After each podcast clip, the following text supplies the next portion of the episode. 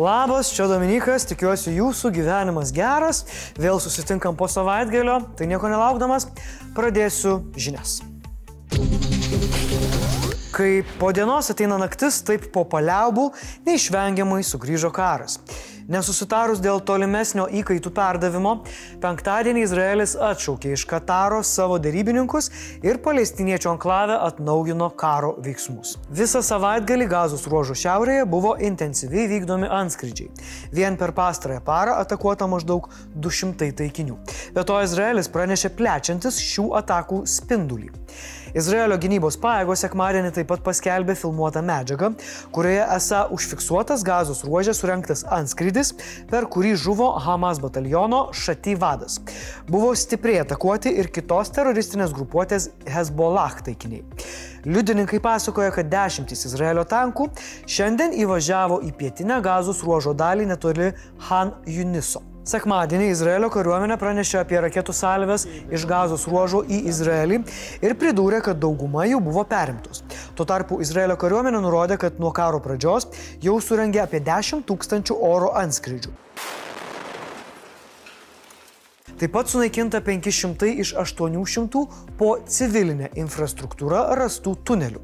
Be to, izraeliečių teigimu gazoje po Junktinių tautų organizacijos dėžėmis buvo rasta tuzinai teroristų raketų. Teroristinės organizacijos Hamas valdoma palestiniečių vyriausybė sako, kad Izraelio atakų metu per savaitgalį žuvo šimtai civilių.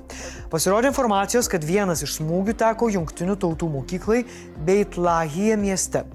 Tačiau ši informacija nėra patvirtinta. Izraelis sako, kad po mokykla slėpėsi teroristų tunelis. Hamas infrastruktūros rasta ir mokykloje Beit Hanune, kurią operatyvininkai naudojo kariams pulti. Kariai rado du įėjimus į tunelius, įskaitant vieną, kuris buvo užminuotas, bei ginklų. Tačiau ne visi mato tunelius ir ginklus. Vis garsiau girdisi kritika Izraeliui dėl daugybės civilių žučių jų operacijų metu. Palestinos raudonasis pusmenulis pranešė, kad Izraelio pajėgoms apšaudžius greitosios pagalbos automobilius buvo sužeisti du paramedikai ir vienas pacientas. Turkijos prezidentas Recepas Taipas Erdoanas pirmadienį pareiškė, kad Izraelio ministras pirmininkas Benjaminas Netanjahu bus teisiamas kaip karo nusikaltėlis. Be to, net artimiausias sąjungininkas Junktinės valstijos jau pradėjo brusdėti. JAV pareigūnai paprašė Izraelio karinių oro pajėgų paaiškinimo dėl neseniai įvykdyto antskrydžio prieš Džabalijos pabėgėlių stovyklą Gazos ruožo šiaurėje, per kurį žuvo daug žmonių. Šį prašymą pateikė Joe Bideno administracija. Tuo tarpu Prancūzijos prezidentas Emmanuelis Macronas paragino Izraelį geriau apibrėžti savo nuolat kartojamą norą sunaikinti Hamas, teikdamas, kad visiškam sunaikinimui prireiktų dešimtmečio kovų. Pirmadienį ryte rusų teroristai vėl puolė Ukrainą 23 dronais Shahed ir raketa CH-59. 18 bepiločių pavyko numušti. Apie nuostolius pranešimų nėra. Okupuotame Luhanskė naktį užsiliepsnojo naftos bazė. Gyventojai tvirtina, jog tai buvo bepiločių dronų ataka. Nei Ukraina, nei Mordoras informacijos nekomentuoja. Ukrainos prezidentas pranešė, kad planuojama parengti naujus partnerių karinės pagalbos paketus ir sustiprinti Ukrainos prieš lėktuvinę gynybą. Pasak Zelenskio, tai yra nekintantis prioritetas. Tačiau labai sudėtinga situacija išlieka Avdyivkoje. Geolokaciniai duomenys rodo, kad orkams pavyko pasistumėti į vakarus nuo geležinkelio netoli Stepovės ir į pietvakarius nuo Pervomaiskės. Mordoro šutvė vykdo žvalgybą ir persigrupuoja, kad galėtų atnaujinti polimo operacijas netoli pramoninės zonos į pietryčius nuo Avdyivkos ir laukia geresnių oro sąlygų, kad vėl galėtų naudoti sunkiąją techniką polimuose. Ukrainos pajėgoms pavyko nežymiai išplėsti platsdarmą kairiajame Dnipro krante netoli Krinkų. Čia dislokuoti Mordoro juodų maišų užpildai į kovą labai nesiveržia. Jiems trukdo ukrainiečių artilerijos ugnis iš dešiniojo Dniepro kranto. Šiuo metu šis platsdarmas didelės karinės reikšmės neturi, bet ilgainiui gali tapti labai pavojingu. Karo ekspertas Olegas Ždanovas teigia, kad Rusija atkuria pajėgas ir mobilizuoja išteklius didesniai konfrontacijai Ukrainoje. Pasak jo, Ukraina turi galimybių užbaigti karą sekančiais metais, tačiau viskas priklauso nuo savalaikės vakarų teikiamos karinės paramos. Ukrainos valdžios kuluaruose tęsiasi verbaliniai pasistumdymai. Kyivo meras Vitalius Kličko apkaltino Ukrainos prezidentą padarius klaidų komunikacijoje su visuomenė ir stojo į ginkluotojų pajėgų vyriausiojo vado Valerijaus Zalužno pusę, kuris teigia, kad karas atsidūrė aklavitėje. O štai feikinis Baltarusijos prezidentas Aleksandras Lukašenka keičia kelionių kryptį jau antrą kartą šiais metais lanko Kinijos drakoną. Lukašenka ir Xi Jinpingas ketina aptarti prekybos, ekonomikos, investicijų ir tarptautinio bendradarbiavimo klausimus. Matyt, Mordorė visai prastai su šlamančiais įtenka trenktis. Elgetauti Kiniją. Tuo tarpu Rusijos pamasgų TV toliau pramušinėja jau seniai pramuštus dugnus. Propagandono Solovjovo laidoje apsiseilėję pseudo analitikai džiūgavo, kad Mordoro imperija plečiasi ir sekančios bus Baltijos šalis, kurių pasipriešinimas betruks 15 minučių. Pala, pala, pala, pala, pala, pala. Kur aš tai girdėjau?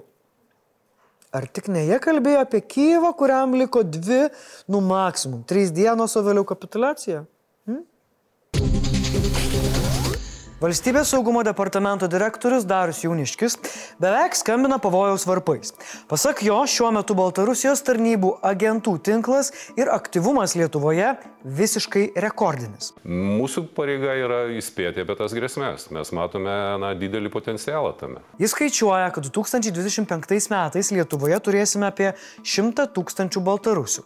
Saugumo departamentas pastebi, kad Baltarusijos opozicijos atstovai ar verslo atstovai esantis čia yra verbuojami per socialinius tinklus ir jiems yra daroma įtaka per Baltarusijos KGB ir kitas tarnybos. Jauniškis tiksliai įvardyja ir išeiti - Rusijos ir Baltarusijos piliečių traktavimo suvienodinimą. Tai klausimas, kuris jau buvo svarstytas ir sukėlė valdančiųjų bei prezidento nesutarimų. Seimo pirmininkės neįtikina jauniškio argumentai. Viliuosi, kad padiskutavę, pasvėrę visus už ir prieš, mes paliksime diferencijavimą. O užsienio reikalų ministras iš vis neišgirdo argumentų ir sako, kad tai, ką jis girdi iš jauniškio, yra labiau nuomonė. Jeigu tokia informacija valstybės saugumo departamentas jie turi ir pasiruošę supažindinti mūsų, na, tuomet, aišku, galim, reiktų peržiūrėti ir, ir, ir taisyklės ir jas vienodinti. Tuo tarpu Seimo nacionalinio saugumo ir gynybos komiteto pirmininkas ketina registruoti ir ribojančių priemonių įstatymo pataisas, kuriomis siūloma naikinti galimybę naujai atvykstantiems Baltarusijos piliečiams gauti laikiną gyventojo statusą. Laurinas Kaščiūnas ne prieš, kad pas mus glaustųsi politiniai pabėgėliai, bet jis mano, kad ribos turi būti aiškios remkim demokratinę Baltarusiją, suteikim užuovėją tiems, kuriems reikia, stiprinkim nepriklausomybę, kiek tai priklauso nuo mūsų, bet nekurkim Baltarusijos Lietuvoje su visom iš to išplaukiačiom rizikom ar tai būtų litvinizmas, ar tai būtų visos žvalgybinės grėsmės. Šiemet Lietuva dėl keliamų grėsmių neleista atvykti 16 tūkstančių užsienio piliečių. Dėl tos pačios priežasties 411 Baltarusijos piliečių šiemet panaikinti leidimai gyventi Lietuvoje, o dar 562 juos atsisakyta išduoti. Dar 603 baltarusiai iš vis nebuvo įleisti. Tačiau VSD vadas aiškiai pabrėžia, kad prie kiekvieno atvykėlio neįmanoma pastatyti po žvalgybininko. Saugumas nėra pajėgus patikrinti kiekvieno. Ateis tas laikas, ateis ta raudona linija, kai mes tikrai nebesusitvarkysim. Kaip Jūs manot, reikia prilyginti baltarusius rusams ar turėtų būti skirtingas vertinimas? Parašykit komentaruose. it's snowing on. Mm-hmm. Jau rytoj Seimas turėtų patvirtinti kitų metų biudžetą. Ta proga Lietuvos švietimo darbuotojų profesinė sąjunga nutarė atnaujinti visuotinį mokytojų streiką. Seimo nariai nutarė pedagogams atlyginimą didinti du kartus po 10 procentų, tačiau mokytojai reikalauja kompromisinio varianto po 15 procentų nuo sausio ir nuo rugsėjo. Dar rugsėjai pradėtas streikas antrą kartą buvo atnaujintas lapkritį, kuomet pedagogai su seimūnais nesutarė dėl savo iškeltų reikalavimų. Indonezijoje išsiveržus Marapi ugnikalniui, netoli jo kraterio rasta 11 žuvusių alpinistų. Pirmadienį buvo išgelbėti 3 žmonės, dar 12 dingusiųjų paieška buvo sustabdyta dėl nesaugių sąlygų. Išsiveržimo metu toje vietovėje iš vis buvo 75 turistai, tačiau dauguma jų buvo saugiai evakuoti. Valdžios institucijos padidino pavojaus lygį iki antro aukščiausiojo ir uždraudė gyventojams artintis arčiau kaip 3 km iki kraterio. Nepatikėsit, nu, nors gal ir patikėsit.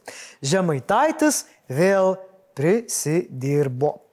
Seimo narys Bronislavas Matelis prašo generalinės prokuratūros įvertinti Žemaitaičio pasisakymus Facebook'e dėl galimo kolaboravimo, valstybės išdavystės ir skatinimo susidoroti su jam neįtikusiais asmenimis. Geras, ne? Aha, viskas kilo todėl, kad Remigijus Facebook'e pakomentavo, jog jeigu į Lietuvą ateitų orkai, tai Janas jiems pateiktų valdančiųjų namų adresus, kad žinotų, kas sprogdinti. Va tokie reikaliukai. VSD pranešėjo istoriją tyriančiai laikinai Seimo komisijai už pranešėjo apsaugos klausimus atsakingas generalinės prokuratūros vidaus tyrimų skyriaus vyriausiasis prokuroras Raimundas Petrauskas šiandien sakė, kad prokuratūra padarė viską, kad pranešėjas būtų apsaugotas. Taip pat prokuroras teigia, kad apsaugos priemonės priklauso ir nuo paties pranešėjo reikalavimų. Komisija šiandien planavo išklausyti ir STT direktoriaus pavaduotoją Raškevičių, tačiau dėl komandiruotės apklausa buvo atidėta. O dabar papildomos naujienos. Nuo gruodžio 1 iki 17 dienos speciali mūsų padėka jums. Kiekvienam pradedančiam mus remti šešiais euriukais ar net daugiau, mes padovanosime pranešėjas ir prezidentas knygą. Jei dar nespėjote susipažinti su pranešėjo istorija ir pasivaikščioti VSD koridoriais bei nausėdos rinkiminės kampanijos užkulisiukais, bus puikia proga tai padaryti. Išleisti šią knygą, kuri lėmė reikšmingą postumį VSD pranešėjo istorijoje, galėjome tik jūsų remimo dėka. Savo paramą nuolat prisidedate prie visuomenės sutelkimo, didžiausių Lietuvoje pilietinių iniciatyvų kūrimo ir ir kitų pokyčių. Ačiū, kad leidžiate mums veikti. Norėčiau priminti Jums klausimą. Ar verta prilyginti baltarusius rusams?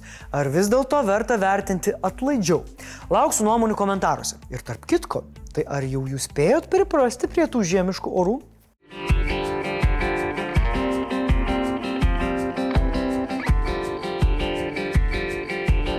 Komentarų metas. Praėjusią kartą skelbiau akciją, atrakciją, kad žmogų pasidalinusi gerą naujieną apdovanosiu bilietais į savo koncertą. Laimingiausi jau buvo išrinkti, net keturi. Vienas iš jų man parašė, o kiti kažkodėl nenorite bilieto, tai pasitikrinkite savo komentarus po ketvirtadienio žiniom. O kitiems už pasidalinimus geromis naujienomis aš dar noriu tiesiog atskirai padėkoti. Štai Regimantas Vasilius 6326 su mumis pasidalino, kad brolio žmona laukėsi. Labai sveikinam jūsų giminę. O Lerkapin One ne tik pasidalino gerą žinę, bet paglostė širdį visai mūsų komandai, mat pranešė atradęs mėgstamiausią YouTube kanalą Laisvės televizija. Dėkojame, dėkojame už tokį įvertinimą. O dabar atsisveikinu su jumis iki kitų kartų. Čia buvo Dominikas ir tiek žinių. Šiltai renkitės. Bye.